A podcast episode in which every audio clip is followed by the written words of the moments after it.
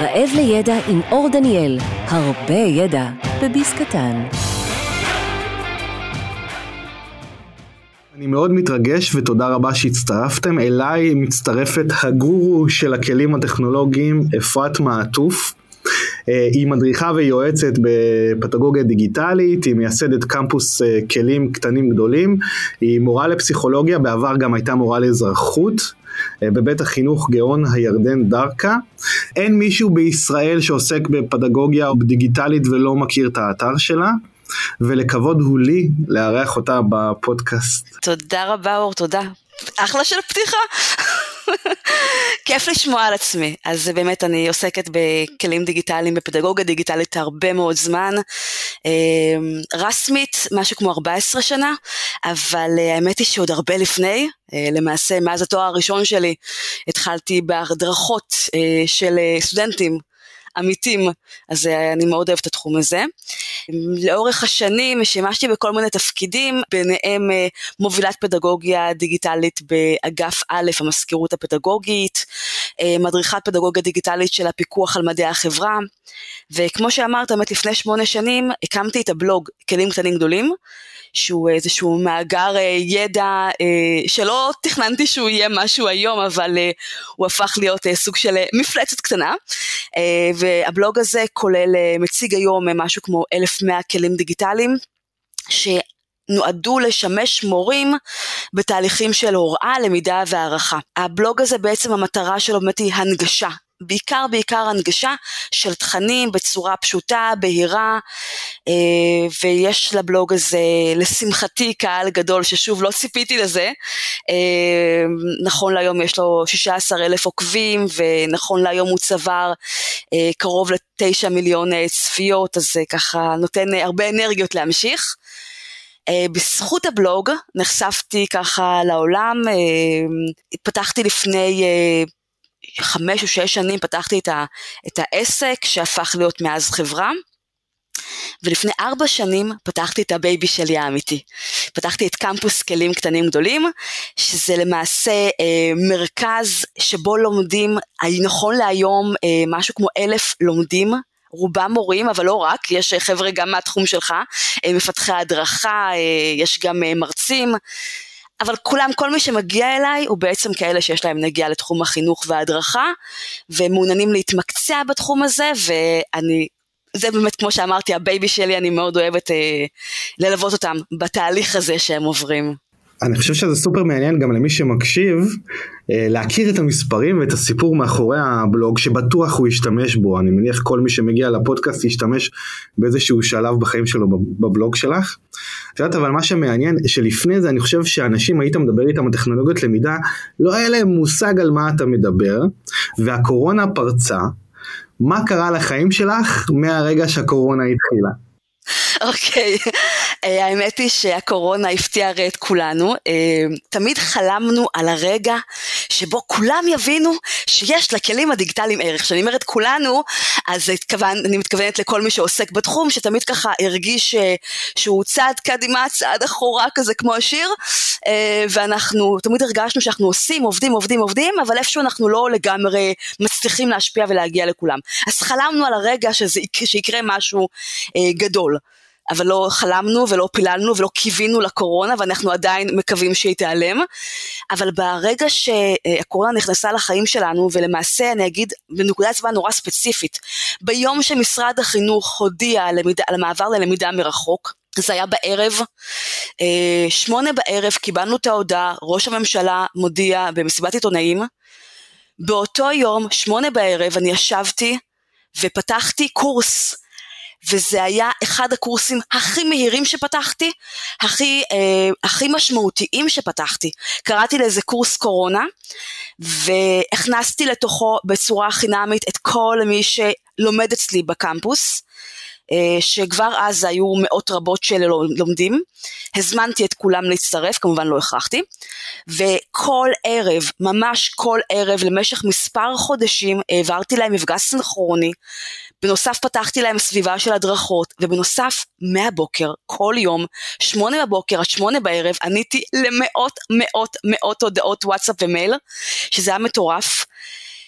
תקופה ללא שינה, תקופה מטורפת, תקופה של הצפה. אני חושבת שנכון שזה עשה לנו המון טוב, בסופו של דבר היום אנחנו מבינים את זה, אבל כשהתחלנו את זה זו הייתה תקופה של הצפה נוראית, קיבלנו ים מידע מכל מקום אפשרי, והמורים היו זקוקים, המורים ולא רק המורים, כל מי שעוסק בתחום שלנו, כל מי שבעצם הפך להיות אה, מורה בדיגיטל, מורה בזום מה שנקרא, היה צריך פתאום הכוונה, ובגלל שהוא הוצף בכלים הוא היה צריך מישהו שייתן לו יד וילך איתו. צעד אחר צעד וילמד אותו ויסביר לו מה צריך. והדבר המרכזי שהקורונה עשתה, שני דברים מרכזיים, האחד הוא שבאמת היא, גרמה לאנשים להבין שאפשר להשתמש בטכנולוגיה, והשני זה שהיא גרמה לאנשים להבין שלא צריך לבלוע את כל העולם, ולא צריך להכיר את כל העולם. כל אחד צריך להתמקד בסל כלים שמתאים לו, וזה אחרי ההצפה. ברגע שהסתיימה ההצפה הראשונית והתחילו להתמקד, אז הבינו שאנחנו לא חייבים לדעת הכל ולהכיר את הכל, אנחנו צריכים להתמקד במספר דברים מצומצם וללכת איתם, להרגיש בטוחים, ואז לזרום. ואני בטוחה שלזה תהיה השפעה גם אחר כך, כי ברגע שצברת לעצמך ניסיון, וברגע שאספת לעצמך סל של כלים שאתה אוהב והם טובים עבורך, אתה תמשיך להשתמש בזה גם אחרי תקופת הקורונה, גם כשנחזור ללמידה פנים אל פנים. כל, הכבוד אה, שעזרת לכל כך הרבה אנשים בתקופה הזאת הראשונית של ההתאקלמות, מה שנקרא לקורונה. אין ספק שזה אתגר, אני חושב שגם לא בעולם החינוך זה זעזוע, שקרה לכל המגזרים, גם לעסקי וגם לציבורי וגם בצבא. ונגיד אני חוויתי את זה שאמרו לי, אין, אתה בחרת במקצוע חבל על הזמן. ולפני זה הייתי צריך שעה רק לנסות להסביר מה אני עושה, אף אחד היו צוחקים, כאילו מה, מה? לא הבנו, לא הבנו. והיום אתה אומר לעצמך, פשש, זה המקצוע הכי מבוקש ביקום לנוכח הקורונה והנגזרות שלו. כלומר איך לשלב את הטכנולוגיה בלמידה. אז uh, אני חושב שאבל האתגר ש, של מערכת החינוך הוא האתגר הכי גדול. לנוכח העובדה שלא היה הכנות אה, בסדר גודל כזה גדול של תשתיות ושל אה, הכשרות, אה, וזה מטורף. ויש אחת השאלות שאני שלחתי לך גם, ששאלתי למה לשלב טכנולוגיה בכלל בתהליך הלמידה, כלומר זה הבסיס. ואני חושב שהשאלה הזאת לנוכח המציאות שכבר אני לא חושב שיש ברירה. אבל מה את חושבת על זה לפני הקורונה, או באופן כללי? אני חושבת שגם לפני הקורונה וגם אחרי הקורונה, המטרות שלנו בשילוב של כלים דיגיטליים בהוראה, כשאני אומרת הוראה אני מתכוונת לכל התהליכים של גם הוראה, גם למידה וגם הערכה, המטרות נשארו בגדול אותן מטרות. אה, נכון שעכשיו נוספה, נוסף גם הקטע של הלמידה מרחוק, אבל מטרות הן אותן מטרות. בעצם הכלים הדיגיטליים או השימוש בהם נועד לתת איזשהו אה, מענה לצורך שאנחנו אה, מרגישים שאנחנו חשים אותו ואנחנו צריכים לתת לו מענה. הכלים הדיגיטליים הם תמיד ידענו שהם יכולים אה, להוסיף עניין לשיעור שלנו, שהם יכולים למשוך את התשומת לב של התלמידים שלנו, שהם יכולים לשמור על הקשב שלהם. כשאני אומרת תלמידים, הכוונה כמובן ללומדים, ולא משנה איפה ולא משנה באיזה גיל. אני כמובן קודם כל מורה. הכלים מאפשרים לנו בעצם לקחת את השיעור שלנו ולהוסיף לו ממד של הנאה. אנחנו הופכים את הלמידה למשהו שהוא יותר אה, fun. אפשר לעשות את זה באמצעות משחוק, אה, בכל מיני דרכים, אה, למשל באמצעות אה, הגרלה או באמצעות אה, תחרות אה, תוך כדי השיעור. אז זה ככה, זאת, זאת מטרה אחת, להוסיף fun לשיעור שלנו. אבל יש עוד מטרות, מטרות שהן אה, בעיניי, אני לא אגיד יותר חשובות, אבל אולי יותר משמעותיות לתפקיד שלי כמורה, כי בסופו של דבר אני צריכה להגיש את התלמידים שלי גם לבגרות, אז אה, אחת המטרות שלי היא לייצר משימות של הערכה, משימות הערכה מגוונות. אז יש לנו כלים שמאפשרים לנו להיות מאוד, מאוד יצירתיים כמורים. אנחנו יכולים להשתמש למשל בכלי שנקרא קנווה, אה, ולבקש מהתלמידים ליצור איזושהי כרזה או אינפוגרפיקה ולהציג את התוצרי למידה שלהם. אנחנו יכולים להשתמש בכלי טונטסטי כדי שיכינו סרטון אנימציה וידגימו אה, תכנים שידגימו מושגים שהם למדו, יספרו על תכנים שהם למדו. אנחנו יכולים לתת להם להכין משחק לימודי ותוך כדי למפות את החומר ולהתנסות בשאלת שאלות. אחד הדברים שאני הכי אוהבת בשילוב הכלים הדיגיטליים זה האפשרות של, אה, שלי כמורה לקבל מידע באופן מיידי מה, מהתלמידים שלי. כשמדברים על המטרות ועל, ה, ועל הלמה, אז אה, אחד מהלמה זה, אני רוצה לדעת מה המצב של הכיתה. אני רוצה לדעת אם עכשיו כשדיברתי, הם הבינו על מה אני מדברת. אז הנושא הזה של הערכה מעצבת במהלך השיעור, לא אחרי, במהלך השיעור ממש, הוא משהו שהוא מאוד קריטי והוא אפשרי בזכות הכלים הדיגיטליים. אני יכולה למשל לקחת אה, שאלון של Quizizz, שהוא ככה אה, גם שאלון שבודק ידע והוא גם נותן אווירה משחוקית, לשאול את התלמידים שאלות במהלך השיעור ולקבל מידע ממש בתוך רגע על האם הם הבינו את מה שדיברתי עליו. האם הם הבינו את המסר שלי, ובמידה והם לא הבינו, אני יכולה לעצור לרגע, לחזור, להדגים שוב, להסביר שוב, ובעצם אני יוצרת בדרך הזאת שיעור שהוא הרבה יותר מותאם לקבוצה הספציפית שאיתה אני עובדת. כי כל קבוצה יש לה את היכולות שלה, את הרמת הבנה שלה, את התמהירות הבנה שלה, אז uh, אנחנו באמת הכלים מאפשרים לנו להתאים את עצמנו, המלמדים, ללומדים. אנחנו יכולים אה, אה, באמצעות הכלים הדיגיטליים האלה לשרת עוד מטרה. אנחנו יכולים לשרת את המטרה, אם אמרתי מקודם גיוון בדרכי הערכה ונתתי את הדוגמאות של יצירת משחק למשל, אבל לא כל שיעור אנחנו מכינים משחק עם התלמידים שלנו, אז אנחנו יכולים לגוון את ההוראה גם בפעילויות הקטנות, כמו למשל אה, יצירת שאלון שהוא יותר מעניין ויותר מושך ואפילו יותר משמעותי מאשר שאלון רגיל שהוא על דף נייר. כמו למשל להוסיף בתוכו אמצעי מדיה מגוונים, להוסיף בתוכו שאלות מסוגים שונים, שאלות של גרירה, שאלות, שאלות של ניתוח טקסטים, כשאני אומרת טקסטים אז זה יכול להיות טקסטים אה, אה, ויזואליים, אה, טקסטים אה, אה, שהם סרטונים ועוד כל מיני דברים אחרים, אנחנו יכולים לשלב קבצי קול, אנחנו יכולים לשלב מפות אינטראקטיביות, אפשר לשלב בתוך הפעילות שהיינו יוצרים אותה בעבר רק בקובץ וורד ומדפיסים אותה ונותנים לתלמידים לכתוב ככה על הנייר, אנחנו יכולים להפוך אותה למשהו שהוא הרבה יותר אה, מושקע, הרבה יותר מגוון וגם בודק הרבה יותר רבדים ומיומנויות. ככה אפשר להמשיך, להמשיך, להמשיך, אבל אני אגע בעוד נקודה קטנה שבעיניי היא סופר חשובה. אני מלמדת תלמידי מב"ר, בין היתר, הכיתות שלי הן הטרוגניות.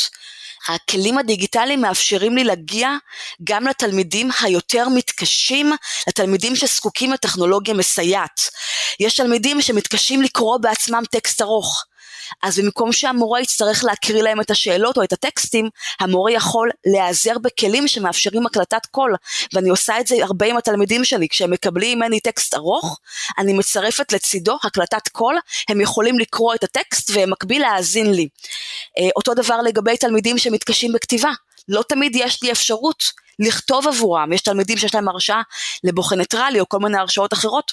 אז יש כלים כמו Wizer למשל, כלי ישראלי שאני מתה עליו, שמאפשר לנו לתת לתלמידים את הפונקציה ש, שפשוט להקליט את עצמם בתשובה. ודוגמה ככה אחרונה לטכנולוגיה המסייעת, תלמידים שמתקשים אה, לנהל את עצמם. אז יש לנו את האפשרות הטיימרים, ואם התלמיד מתקשה לנהל את עצמו בתוך משימה, אז יש טיימר רב שלבי שאומר לו כמה זמן קצוב לכל שאלה. אז בעצם הכלים הדיגיטליים באמת משרתים הרבה מאוד מטרות, אז הלמה הוא בעיניי משהו עצום, ואני שמחה שפתחת ככה בשאלה כזאת, כי בעיניי הלמה הוא העיקר.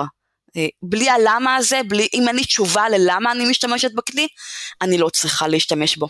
אני כל כך שמח שאמרת את זה. אה, ובכללי התשובה הזאת היא גם מדהימה כי יש פה לאנשים ששומעים את זה המון נקודות שאפשר להשתמש בטכנולוגיה בגיוון של התכנים שיכולים להתחבר אליה ולעזור ללמידה ולקדם את הלמידה בהתאמה של התכנים ללומדים שונים שמתקשים בסוג כזה או אחר ותיארת את זה בצורה מדהימה. והלמה הוא קריטי כי הרבה פעמים אני נתקל באנשים שרוצים לומדה או רוצים טכנולוגיה מסוימת כדי להגיד הנה הוספנו משהו בתמהיל ולא מבינים למה להשתמש בה כן? פרופסור גבריאל סלומון זיכרונו לברכה אה, תיאר את הטכנולוגיה כמנוף שמשתמשים בו להרים מסעות כבדים. אדם לא יכול להרים מסע כבד מצד לצד ללא המנוף. וזו המטרה של הטכנולוגיה להשתמש בה בצורה נכונה וחכמה כמו המנוף להרים מסעות שלא יכולנו בעבר, וזה קריטי אבל גם למה אנחנו משתמשים בה ולא בשביל הכיף, אתה לא משתמש במנוף בשביל כיף. לגמרי, לחלוטין. כן, לא, כאילו לא רק, כיף זה גם חשוב לייצר חוויה זה גם חשוב, אבל לא רק. אמ, וזה מוביל, את יודעת, לשאלה המאוד קריטית גם הבאה שקשורה לשילוב של טכנולוגיה. זה איך אני בוחר את הכלי הנכון. אה, לפני שאנחנו באים לבחור את הכלי, אנחנו צריכים קודם כל להגדיר לעצמנו מהן המטרות של הפעילות שלנו. כמו שכבר אמרת, אה, באמת אה, לפעמים אנחנו טועים ובוחרים כלי כי נדלקנו עליו, זאת לא הסיבה הנכונה לבחור כלי. ממש חשוב להימנע ממצב שאנחנו נדלקים על כלי ואז מחליטים להשתמש בו בכיתה פשוט כי הוא מדליק ומנסים להתאים את הפדגוגיה לכלי. זאת לא הדרך, אז אנחנו צריכים לקחת צעד אחורה, להגדיר לעצמנו את המטרות, את המטרות הפדגוגיות שלנו, מה אנחנו רוצים שיקרה במהלך השיעור, איך אנחנו רוצים שהשיעור הזה ייראה, מה אנחנו רוצים שהתלמידים ידעו בסיום השיעור מבחינת הידע, מבחינת המיומנויות, ואז אחרי שענינו על כל השאלות האלו לעצמנו, אנחנו יכולים לבחור עדיין לא את הכלי, את משפחת הכלים. אנחנו צריכים לבחור את משפחת הכלים שיכולה לסייע לנו כדי להשיג את אותן מטרות. אחרי שהחלטנו מה משפחת הכלים, וחשוב לדעת שכל כלי שייך למשפחה, ולכל משפחה יש מאפיינים, יש הבדלים בין הכלים באותה משפחה, בדיוק כמו במשפחות שאנחנו מכירים מבני האדם, ואנחנו צריכים לבחור את הכלי הספציפי שמתאים לצרכים שלנו. אז אחרי שקבענו מטרות, קבענו משפחה, בחרנו משפחה, אנחנו צריכים לבחור את הכלי הספציפי מתוך אותה משפחה, שיכול לקרב אותנו באמת אל המטרה. חשוב שנבחר כלי שהוא פשוט לתפעול. כלי שמתאים ללומדים שלנו וגם לנו. זאת אומרת, אנחנו צריכים לחשוב באיזה מכשיר קצה אנחנו כמורים הולכים להשתמש. ובאיזה מכשיר קצה התלמידים שלנו הולכים להשתמש. כשאני אומרת מכשיר קצה, הכוונה היא כמובן למחשב, לטאבלט או לטלפון. כשאנחנו בוחרים כלי, כדאי לנו אה, לנסות לבחור כלי שלא דורש התקנה. יש כלים שמה לעשות דורשים את זה, אבל עדיף אם יש אפשרות לבחור כלי שלא דורש התקנה. עדיף גם שזה יהיה כלי שלא דורש מהתלמידים שלנו לפתוח חשבון. אבל שהוא כן מאפשר הזדהות שמית. אני יודעת שזה כאילו בקשות קצת מוגזמות, אבל יש היום לא מעט כלים כאלה שמאפשרים לנו לא לפתוח, לא לדרוש מהתלמיד פתיחת חשבון ועדיין להזדהות, או לפחות שתהליך פתיחת החשבון יהיה פשוט וקליל, לא משהו שמסרבל את התלמידים. מאוד חשוב ש, שאנחנו אה, נבדוק את הכלי ונראה באמת שהוא מתאים לצרכים שלנו, כדי שלא נגיע לסוף היצירה עם התלמידים שלנו, עם הלומדים שלנו, ואז נגלה, ממש אחרי שכבר סיימנו את הכל, שמשהו שם לא מסתדר. שתלמיד לא יכול לחזור אל הכלי ולערוך אותו, שתלמיד לא יכול לשתף אותו, את הפעילות שהוא עשה, והוא צריך לצלם, מסך או כל מיני דברים אחרים, וזה נראה פחות טוב, וזה פחות מוצלח. אנחנו צריכים לבדוק את ההתאמה של הכלי. וחשוב עוד דבר, חשוב שרגע לפני שאנחנו באים לכיתת הלימוד, לכיתת הלימוד שלנו, שנתנסה בעצמנו בכלי, אבל לא נתנסה בו רק כמורים, אלא חשוב ש... רגע לפני שאנחנו באים לכיתה, נתנסה בו כתלמידים. נשלח אותו לעצמנו, גלישה בסתר או מחשב אחר או כל דרך אחרת שאתם רוצים, ונתנסה בו כתלמידים, נחווה את הסיטואציה כתלמיד, נראה מה תלמיד עלול לראות שם, אה, לפעמים זה פרסומות למשל, באילו בעיות תלמיד עלול להיתקל, אה, ובעיקר זה ייתן לנו תחושה של נוחות. כשתלמידים ישאלו אותנו אחר כך במהלך הפעילות, מה עושים פה ועל איזה כפתור לוחצים, אנחנו נדע על מה התלמיד מדבר, כי אנחנו מכירים גם את צד הלומד, אנחנו מכירים גם את נקודת המבט של התלמיד. אז אני אסכם לרגע את הדברים שאמרתי. כשאנחנו באים לבחור כלי דיגיטלי, אנחנו צריכים לקבוע מטרה, לבחור משפחה של כלים שעונה על הצורך ומאפשרת לנו להשיג את המטרה, ואז לבחור את הכלי מתוך משפחת הכלים, את הכלי שהוא הכי פשוט ונוח לתפעול. טיפים מעולים, אני רוצה שנתמקד במטרה. כי יש הרבה, אני רואה הרבה פערים באנשים שכותבים מטרות לאותו שיעור, או לאותה הכשרה, ומה שקורה בפועל. וזה ממש שונה, ולפעמים מה שהם התכוונו שיקרה לא קורה. אז בוא נגיד, אה, גם למי שלא מכיר, את תוכלי להרחיב רגע על השוני בין המטרות? ואז איזה כלים מתאימים לאותן אה, מטרות. כשמורה צריך להתכונן לשיעור, אחד הדברים הראשונים שהוא צריך לעשות זה להחליט מה הוא רוצה ללמד. קודם כל אנחנו מדברים על תוכן לימודי, מהם המטרות שלו מבחינת התוכן, אילו מושגים התלמידים צריכים ללמוד, האם התלמידים בסוף השיעור צריכים להכיר את המושגים האלה ברמה של, אה, זיכר, של זכירה, של אה, יישום, מה הם צריכים לדעת בסוף השיעור ברמה של התוכן. אבל יש עוד דברים שהמורה צריך לשים עליהם את הדעת. אנחנו כשאנחנו מלמדים תלמידים אנחנו גם מלמדים אותם מיומנויות. ומאוד מאוד מאוד חשוב לדעת שכשאנחנו מדברים על מיומנויות, אנחנו מדברים על, אה, בעצם על כלים לחיים אחר כך.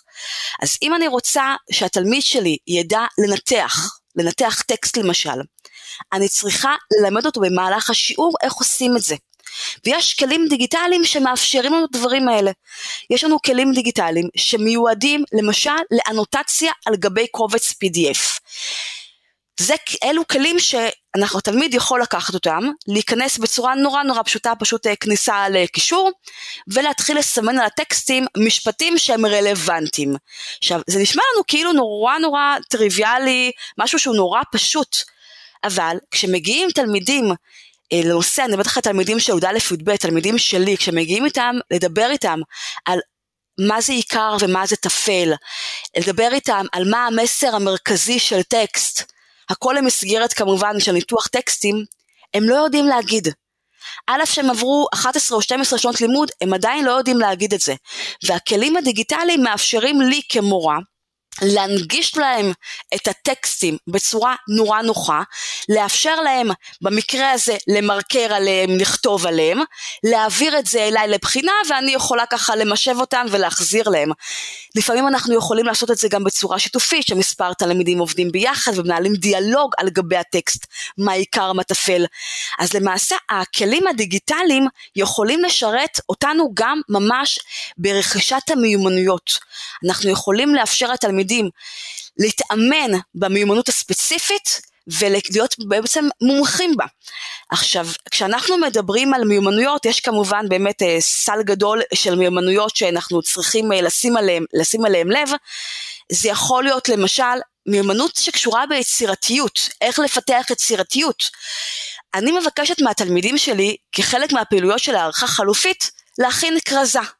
תמיד תמיד תמיד כשמתחילה הפעילות, בדיוק סיימנו פעילות כזאת ממש עכשיו לפני שבוע, כשמתחילה הפעילות הצוותים, התלמידים, אומרים לי אנחנו לא יכולים, אנחנו לא יודעים, אנחנו, אין לי את זה, אני לא יצירתי ברמה שאני יכול ליצור עכשיו כרזה.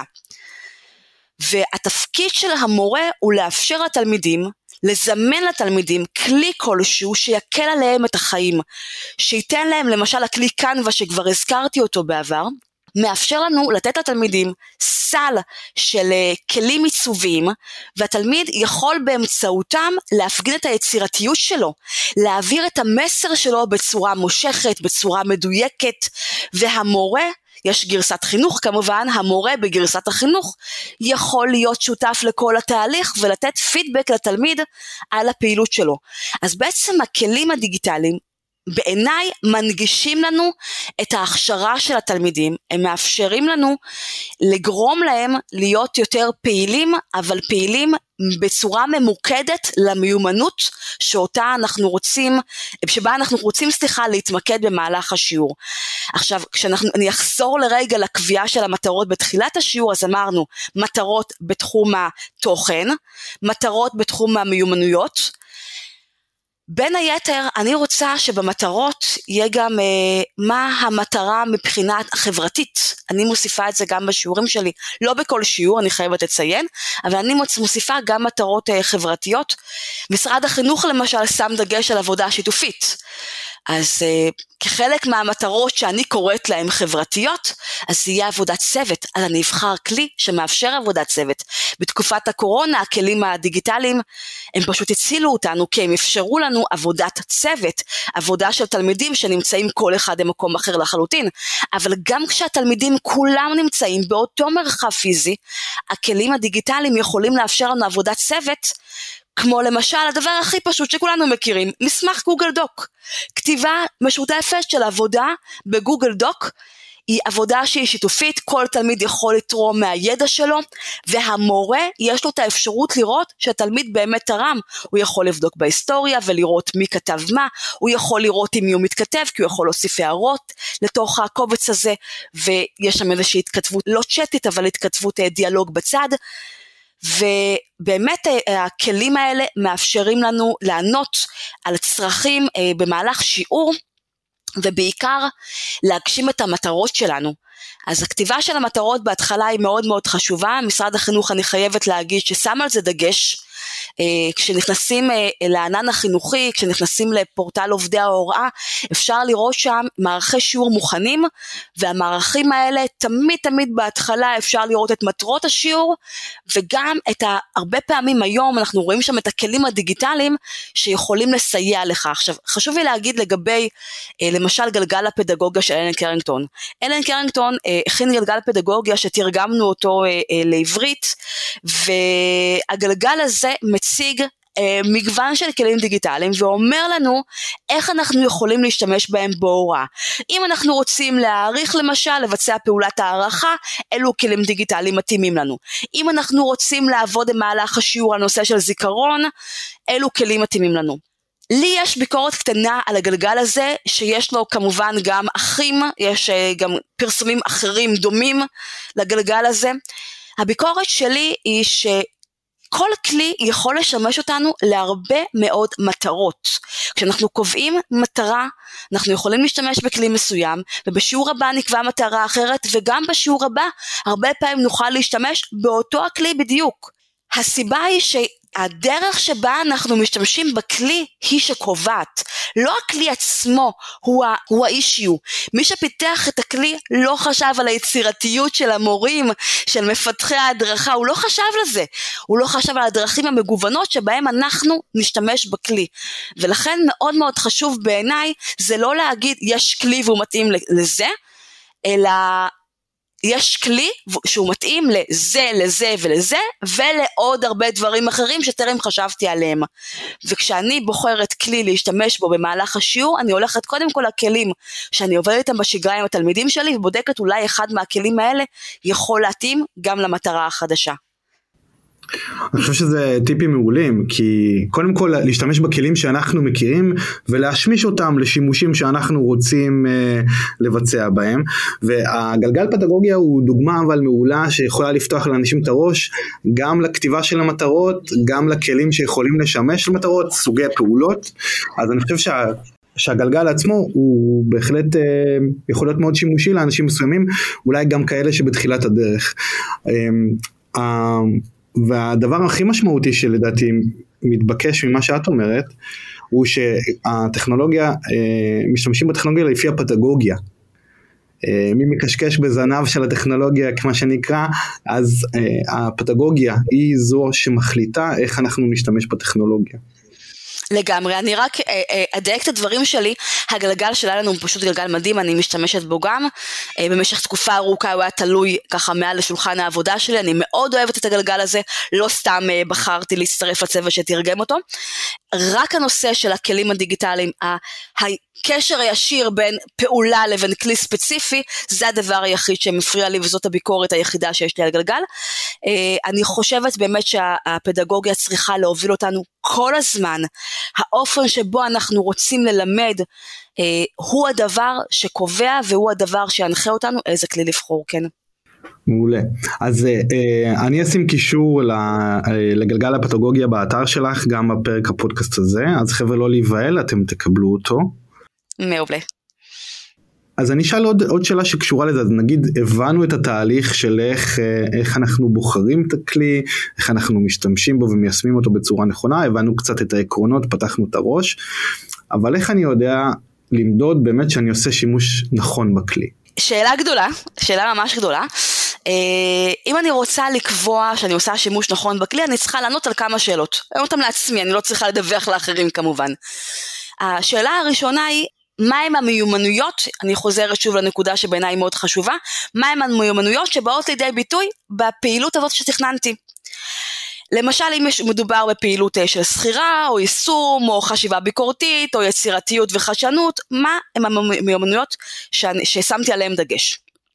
השאלה השנייה שאני צריכה לשים עליה אה, דגש ולשאול אותה את עצמי זה עד כמה תורם השימוש בכלי שבחרתי לשילוב או לבחינה של המיומנויות בפעילות.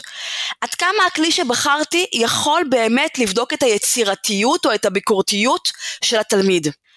את זה אנחנו כמובן עושים לפני שאנחנו נותנים את הפעילות לתלמידים, זה הכל בשלב של ההכנה. למשל, אם אני בוחרת להשתמש בכלי קוויזיז, אז הוא מתאים לפעילות של זכירה. אה, הוא, לא, הוא פחות בודק נושא של יצירתיות כמובן. וקנווה שכבר הזכרתי קודם יכול לשמש אותי לבחינה של יצירתיות של תלמידים. השאלה השלישית שאני צריכה לשים עליה אה, דגש ולשאול את עצמי זה האם התרומה של הכלי לפעילות שלי באמת מצדיקה את ההשקעה שלי כמורה. אה, והאם התרומה של הכלי מצדיקה גם את ההשקעה של התלמידים. הרבה פעמים הכלי כל כך מסורבל או דורש השקעה של זמן גדול גם בלמידה שלו וגם בהכנה בו, שפשוט עדיף לוותר עליו. יש הרבה מאוד כלים שלאורך השנים שפשוט בחרתי לוותר עליהם. השאלה הרביעית אה, והאחרונה שלנו מתייחסת למודל של סאמר, והיא בעצם שאלה של האם השימוש בכלי מביא לשינוי רק ברמה של החלפה או העצמה, או שבאמת יש לו השפעה יותר גדולה ברמה של, של שינוי ושל הגדרה מחדש. אם מדובר רק ברמה של החלפה או העצמה, אז אני אעדיף לשקול להחליף את הכלי או לוותר עליו לחלוטין. לפעמים לא צריך להשתמש בטכנולוגיה. אז uh, אנחנו צריכים ככה לחשוב עד כמה הכלי תורם לנו. לטובת מי שלא מכיר את המודל של סאמר, אנחנו ככה נסביר אותו בקצרה, מודל מאוד מאוד מאוד חשוב בעיניי. מודל סאמר מדבר על ארבע רמות של ערך בשילוב של כלים דיגיטליים בהוראה. עד כמה השילוב נותן לנו באמת ערך בפעילות עצמה. הרמה הראשונה היא רמת החלפה. אם לכלי הדיגיטלי אין תרומה שהיא מהותית, והוא פשוט מחליף איזושהי פעילות שקיימת ממילא בלי הכלי הספציפי, אז לא חייבים להשתמש בו, אפשר לוותר עליו. ניתן לכם לרגע דוגמה אה, של אה, כתיבת פתקים. אנחנו יכולים לכתוב פתקים ולהדביק אותם על הלוח הפיזי בכיתה, וככה לשתף את יתר התלמידים ברעיונות שלנו. אנחנו יכולים לכתוב פתקים ולשתף אותם בלוח שיתופי, כמו למשל פאדלט אה, או לינו. אז כאן זה מדובר באיזושהי רמה מאוד מאוד בסיסית, הערך הוא ערך מאוד מאוד נמוך, שלא בטוח שהוא שווה את זה. הרמה השנייה היא רמה של העצמה. לפעמים הכלי מציע איזשהו שיפור, אבל השיפור הוא בעל ערך נמוך יחסית. למשל, השיפור יכול להיות אה, חיפוש בתוך מסמך. נורא נוח, נורא מקל, אבל יכולתי לחפש גם בעצמי יחסית בקלות. דוגמה נוספת היא תיקון שגיאות כתיב בתוך מסמך. אז באמת זה נותן איזשהו מענה, אבל המענה הוא לא באמת כל כך כל כך כל כך משמעותי. הרמה השלישית של סאמר היא רמה של שינוי. כאן אנחנו מדברים על ערך. כשהגענו לרמה של שינוי זה אומר ששווה להשתמש בכלי. פה אנחנו מדברים על כלי שכבר באמת מציע שיפור כלשהו אה, מהותי, משנה בצורה מהותית, סליחה זה לא שיפור, זה ממש שינוי מהותי של האופן שבו אנחנו לומדים או מלמדים ולמעשה אנחנו ככה מתחילים לעצב את הלמידה מחדש. אם הזכרתי מקודם את הנושא של גוגל דוק, גוגל דוק גרם לנו ממש לשינוי. זה נשמע כאילו אוקיי אז אנחנו כותבים במסמך, אבל לא. גוגל דוק ממש גרם לנו לשינוי כי הוא מאפשר למספר חברי קבוצה לעבוד ביחד על אותו מסמך, לעיין זה בתכנים של זה. להוסיף הערות אחד לשני, לקיים דיאלוג על גבי המסמך, כל הדברים האלו הם ממש שינוי שהוא לא היה אפשרי קודם לכן. אנחנו, כשאנחנו מדברים על, על, על שינוי, אני אתן לכם עוד דוגמה, יש לנו כמובן המון המון דוגמאות, המון המון כלים, אבל אם לקחתי קודם את פאדלט, והשתמשתי בו רק כדי לכתוב פתקית ואמרתי שמדובר ב, בהחלפה בסך הכל ברמה הבסיסית ביותר, אז אפשר להשתמש בפאדלט גם ברמה של שינוי. אני יכולה, אחת האפשרויות בפאדלט היא של אה, מפה. ואני יכולה לקחת את המפה ולבקש מהתלמידים להוסיף על גבי המפה מידע ולהשתמש במדיה ול, ולהוסיף תגובות האחד לשני. ואנחנו בעצם יוצרים פה איזשהו תוצר שהוא הרבה יותר משמעותי, למשל הרבה יותר מש, משמעותי מאשר להסתכל במפה של אטלס. אז uh, אנחנו באמת עושים פה איזשהו שינוי באופן שבו אנחנו לומדים בכיתה. אנחנו לומדים במקרה הזה באופן שיתופי, משתמשים במדיה, משתפים אחרים, מגיבים, מגיבים לפעילות של אחרים וכן הלאה. אפשר להגיד גם דוגמה אחת לשינוי? בשמחה. יש, אה, אני מאוד אוהב לתת את ויקיפדיה. כלומר, לפני זה היה אנציקלופדיות כתובות, שהיו מומחים ספציפיים שכתבו אותם, והיום כל העולם כותב את ויקיפדיה. זה שינוי אה, משמעותי. לגמרי. אני חושבת שדרך אגב גם אתה ואני בתוך העולם הזה, בעצם זה שאנחנו מפרסמים בבלוגים אה, ומשתפים אחרים, זה משהו מדהים שלא, של, היה קיים בעבר, יכולת לפתוח עיתון ולפרסם שם, אבל זה כמובן לא מה שקורה היום, היום אנחנו גם משתפים קהלים מאוד גדולים וקהלים מאוד ממוקדים, וגם מאפשרים להם להגיב, לשתף ולתרום ידע בעצמם לתוך הדבר הזה. אז אני חושבת שבעצם אנחנו, כל מי שעוסק ב, אה, ברשתות, גם בבלוגים, גם בוויקיפדיה, כל הדברים האלה בעצם אה, תורם הרבה ויוצר שינוי, וזאת באמת הרמה שמודל סאמר מדבר עליה. רמה האחרונה, דיברנו על החלפה, דיברנו על העצמה, דיברנו על שינוי, הרמה האחרונה היא הגדרה מחדש. הפנטזיה של כולנו, מה שנקרא. ברמה הזאת אנחנו בעצם מאפשרים לקיים פעילות שאי אפשר היה לקיים אותה בלי הכלי הדיגיטלי. חייבים את הכלי הדיגיטלי כדי לקיים אותה. למשל, הזכרתי מקודם את הנושא של יצירת סרטונים, אז באמת התלמידים שלי אה, משתמשים בטונטסטיק, אפליקציה נפלאה של גוגל ליצירת סרטוני אנימציה. באמצעות האפליקציה הזאת הם יוצר, יוצרים סרטונים שבהם הם מדגימים מושגים אותם הם למדו, הם מקיימים דיאלוגים ביניהם, הם למעשה מיישמים במהלך, במהלך הפעילות את מה שלמדנו בשיעור, שזה מדהים. אז ההגדרה מחדש היא באמת הפנטזיה של כולנו, לא תמיד נגיע לזה ולא חייבים תמיד להגיע לזה, אבל שוב אני אומרת, אם אתם רואים שהפעילות היא רק ברמה של החלפה או העצמה, אז צריך לשקול האם באמת כדאי להשתמש בה. אה, ובאמת אה, חשוב שאחרי שאנחנו מקיימים פעילות כלשהי, אחרי שכבר סיימנו, שהעברנו אותה בכיתה שלנו, הלומדים כבר התנסו בה, שאנחנו נחזור אל הפעילות, ונבדוק את עצמנו מה נרצה לשמר מתוכה, מה נרצה לשפר בה, לשנות, להתאים, ומה נרצה פשוט לשחרר, על מה נרצה לוותר, מה לא עבד לנו. אני עושה את זה בכל אחת מהפעילויות שאני מעבירה, ואני יכולה להגיד שיש לי פעילויות שאני משתמשת בהן כבר כמה שנים, וכל שנה אני כותבת לעצמי איזשהו שינוי לקראת השימוש העתידי בפעילות הזאת שוב. אני חושבת שתהליך הזה הרפלקטיבי הוא מאוד מאוד מאוד חשוב לנו. אני, אני חושב שסאמר הוא מודל יישומי מעולה לבדוק את ה... באמת, כל דבר שאתה עושה כמעט ואת הבחירה שלך בטכנולוגיה, אני חושב שהוא קריטי. אה, לכל אחד שמתעסק בפדגוגיה דיגיטלית, אז אה, באמת תודה רבה. אני גם אשים קישור לשיעור וידאו מעולה אה, של מודל סאמר למי שרוצה להרחיב, עם טקסט מאוד ארוך, שיכול לקרוא, לא מאוד ארוך, שלא תבהלו, שאפשר לקרוא קצת יותר על המודל. אבל מה לדעתך כיום, את יודעת, מה הקושי הגדול באימוץ של טכנולוגיה? האם זה הטכנולוגיה עצמה, האם זה האנשים? כשהקמתי את הבלוג שלי, אז uh, הוא תפס uh, תאוצה במהירות, הרבה מאוד, הוא הגיע לקהל מאוד מאוד גדול uh, של מורים, uh, כמובן uh, זה היה ככה הדרגתי. ואני חושבת שהסיבה לכך נעוצה בזה שהידע בזמנו היה מצוי אצל קבוצה מאוד מאוד מצומצמת של אנשים. האנשים האלה, אנשים נפלאים, אה, שהפיצו את המידע, הם לא שמרו אותו לעצמם, אבל הפיצו אותו בכל פעם לקבוצה קטנה של אנשים. ופתאום ברגע שהמידע היה שם ברשת, תמיד היו uh, מאגרים, אבל מאגרים יותר קטנים, וברגע שפתאום היה מאגר שהוא יותר גדול, והוא פתוח לכולם ברשת, אנשים ידעו להגיע אליו לחזור אליו וללמוד ממנו. עכשיו, במקביל להקמה של הבלוג, קיימתי גם עשרות מפגשים סינכרונים שהם היו פתוחים לקהל הרחב.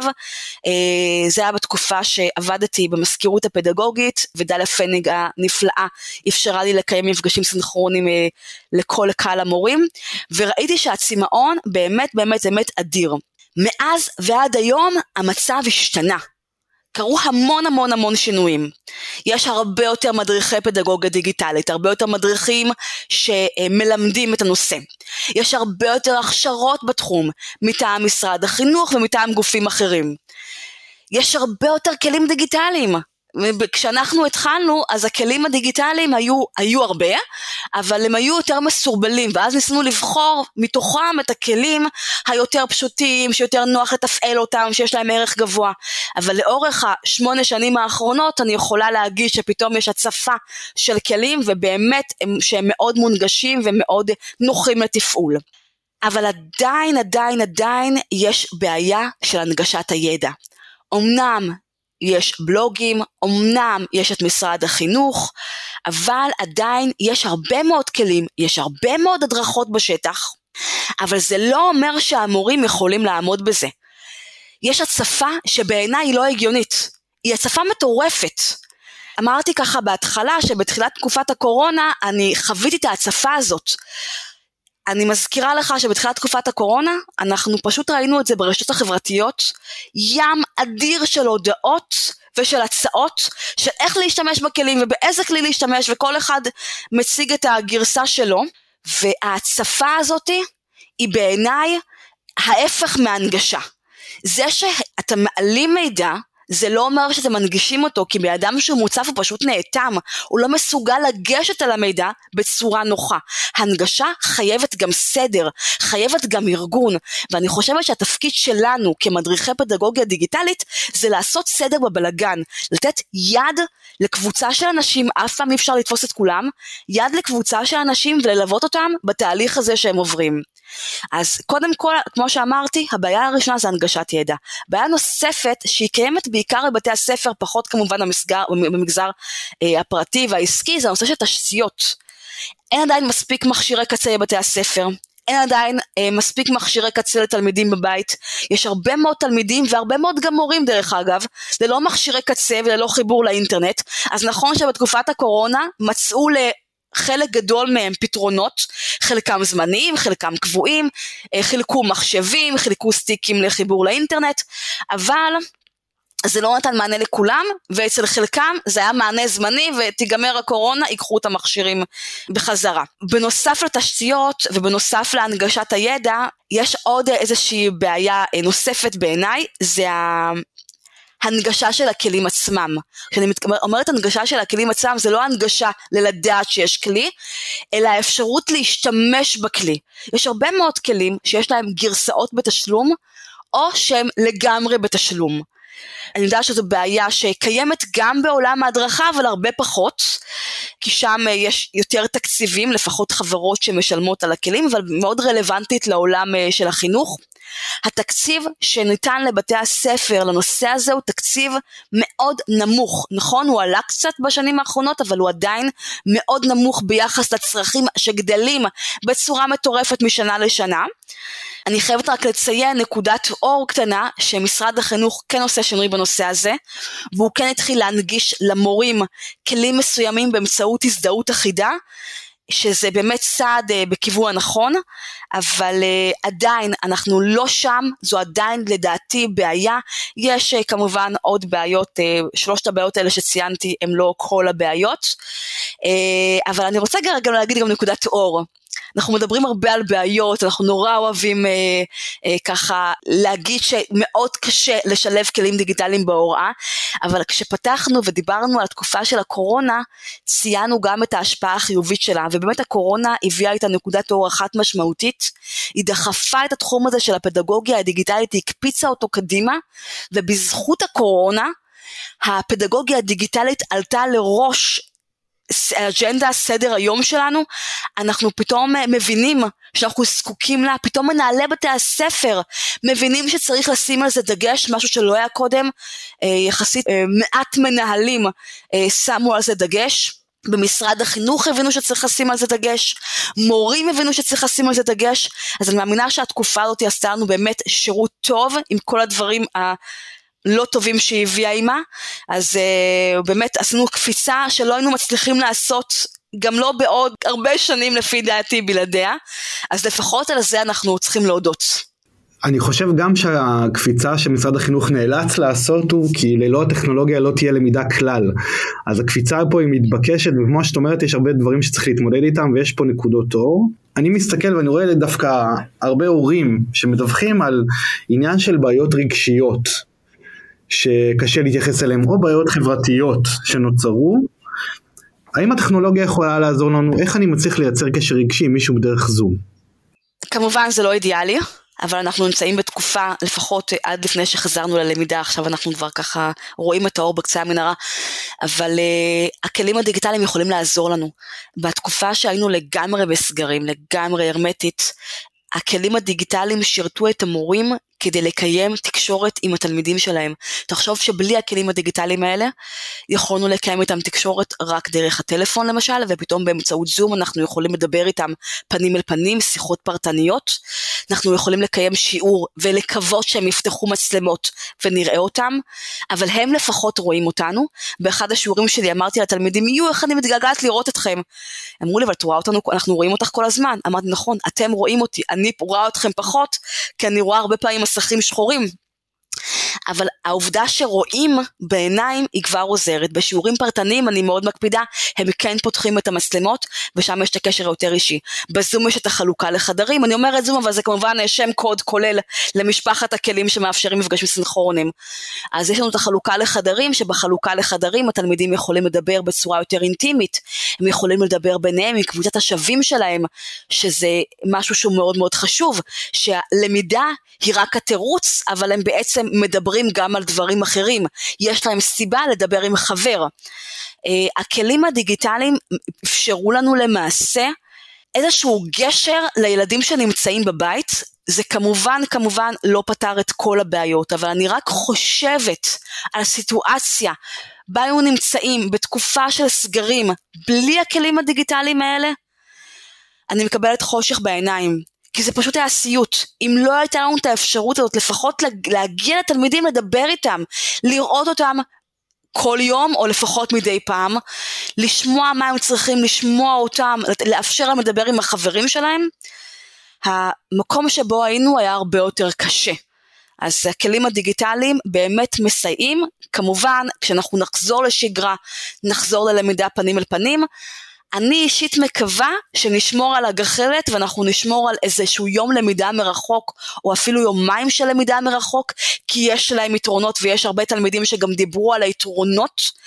גם בצד הרגשי יש תלמידים שבית הספר קשה להם, קשה להם במפגש האינטנסיבי עם אנשים אחרים, אה, קשה להם בכיתה לדבר, כשהם ליד אחרים מרגישים לא נוח ופתאום הזום אפשר להם לדבר ביתר פתיחות. אז לא לכולם זה עשה רק רע, אני מקווה שאנחנו נשמור על האיזון הזה של גם וגם, אבל עדיין יותר פנים אל פנים, אנחנו עדיין אנשים חברתיים, יצורים חברתיים, אנחנו מאוד מאוד זקוקים לזה. והמורים או אנשי למידה שמקשיבים לנו, אה, שמתמודדים עם ההצפה הזו בימים האלה, מה תייעצי להם בדיוק לעשות למקרה שאין להם מישהו שמחזיק להם את היד? אה, בדיוק אה, שלשום פרסמתי אפליקציה חדשה שיצרתי, שנועדה לתת קצת מענה אה, לדבר הזה. אה, אפליקציה של משפחות כלים. אני חושבת שההנגשה אה, של המידע הוא הדבר הכי חשוב, ואני חושבת שכל אה, מורה וכל איש הדרכה צריך שיהיה לו מקור מידע כלשהו, והאפליקציה שפרסמתי נועדה להנגיש משפחות של כלים, ואז כל מורה יוכל להיכנס למשפחת הכלים המבוקשת, למשל כלי דיון, ולבחור מתוכה את הכלי שהכי מתאים לצרכים שלו. אני חושבת שאדם שאין לו את הגורם התומך, צריך למצוא אחד כזה. למורים זה נורא נורא קל. כי למורים יש בתוך בית הספר אדם שזה התפקיד שלו. מדריך התקשוב ומדריך הפדגוגיה הדיגיטלית בשם שאני מעדיפה, זה התפקיד שלו, ללכת איתך צעד אחרי צעד ולייעץ לך. ואני ממליצה למי שאין לו את האדם הזה, להצטרף לקבוצת הפייסבוק שנקראת כלים קטנים גדולים, קבוצה להתייעצות, ולשאול שם את השאלות.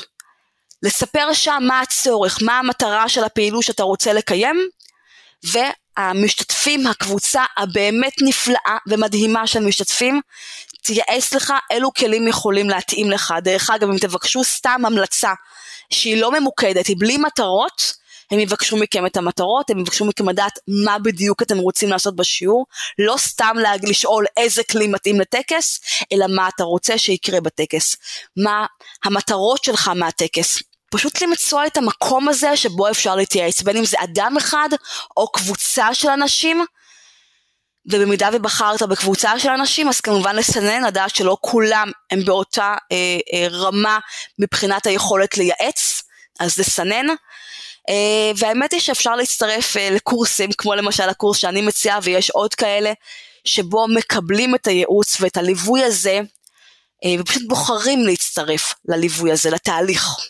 תודה רבה. אני אשים את כל הכישורים שדיברת עליהם לקבוצה, לאפליקציה, להכל, אני אשים בקישור לפרק של הפודקאסט ואולי עוד איזה שהם כמה המלצות. יש משהו שהייתי צריך לשאול ולא שאלתי? כן, שאלת אותי את זה ב... ברשימה של השאלות.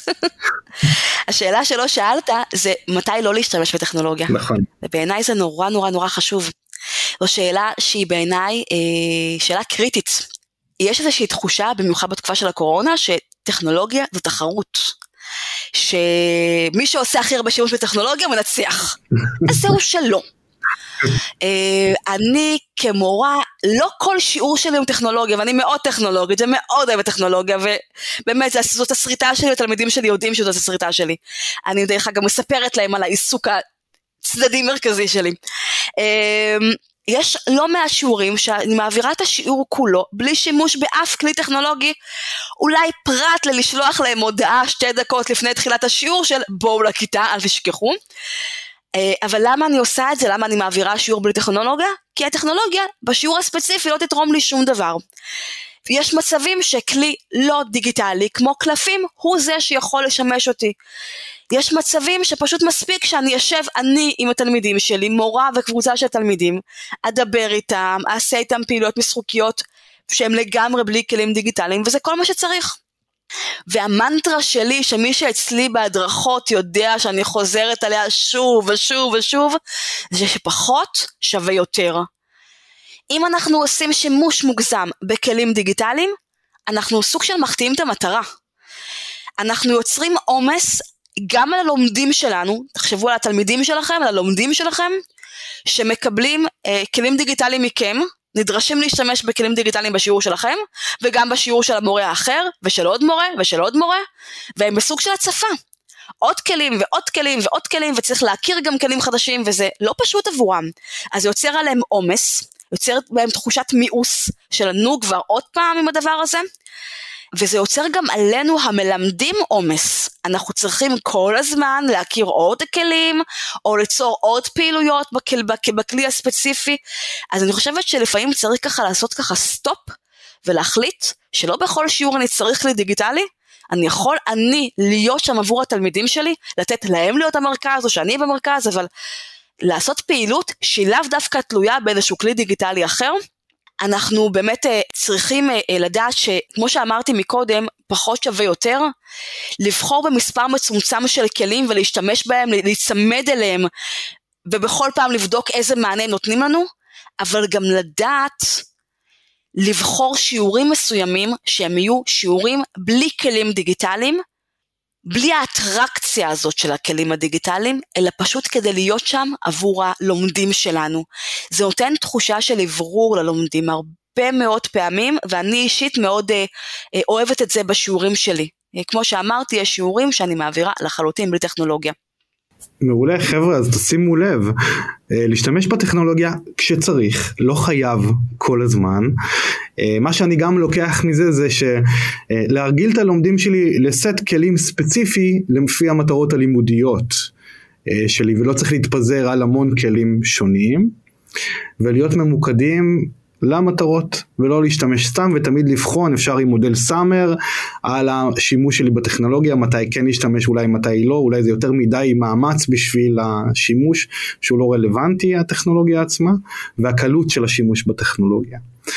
אני חושב שכיסינו הכל לא? אה, נראה לי שכן.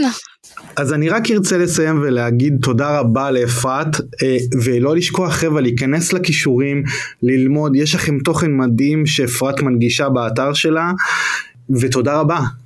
תודה רבה לך אור תודה שהזמנת אותי מאוד מאוד מאוד נהניתי. רעב לידע, פודקאסט בו אור דניאל מביא נגיסי ידע בעולמות הלמידה, הטכנולוגיה והיזמות. לומדים מארכיטקט למידה שעשה קריירה מללמוד. הצטרפו לחוויה שלא רק תעשיר את חייכם, אלא גם תיתן לכם את הידע, כלים, כישורים ומיומנויות להצלחה. מי שלומד, גם נהנה וגם מצליח. תוכן מבית learntech.co.il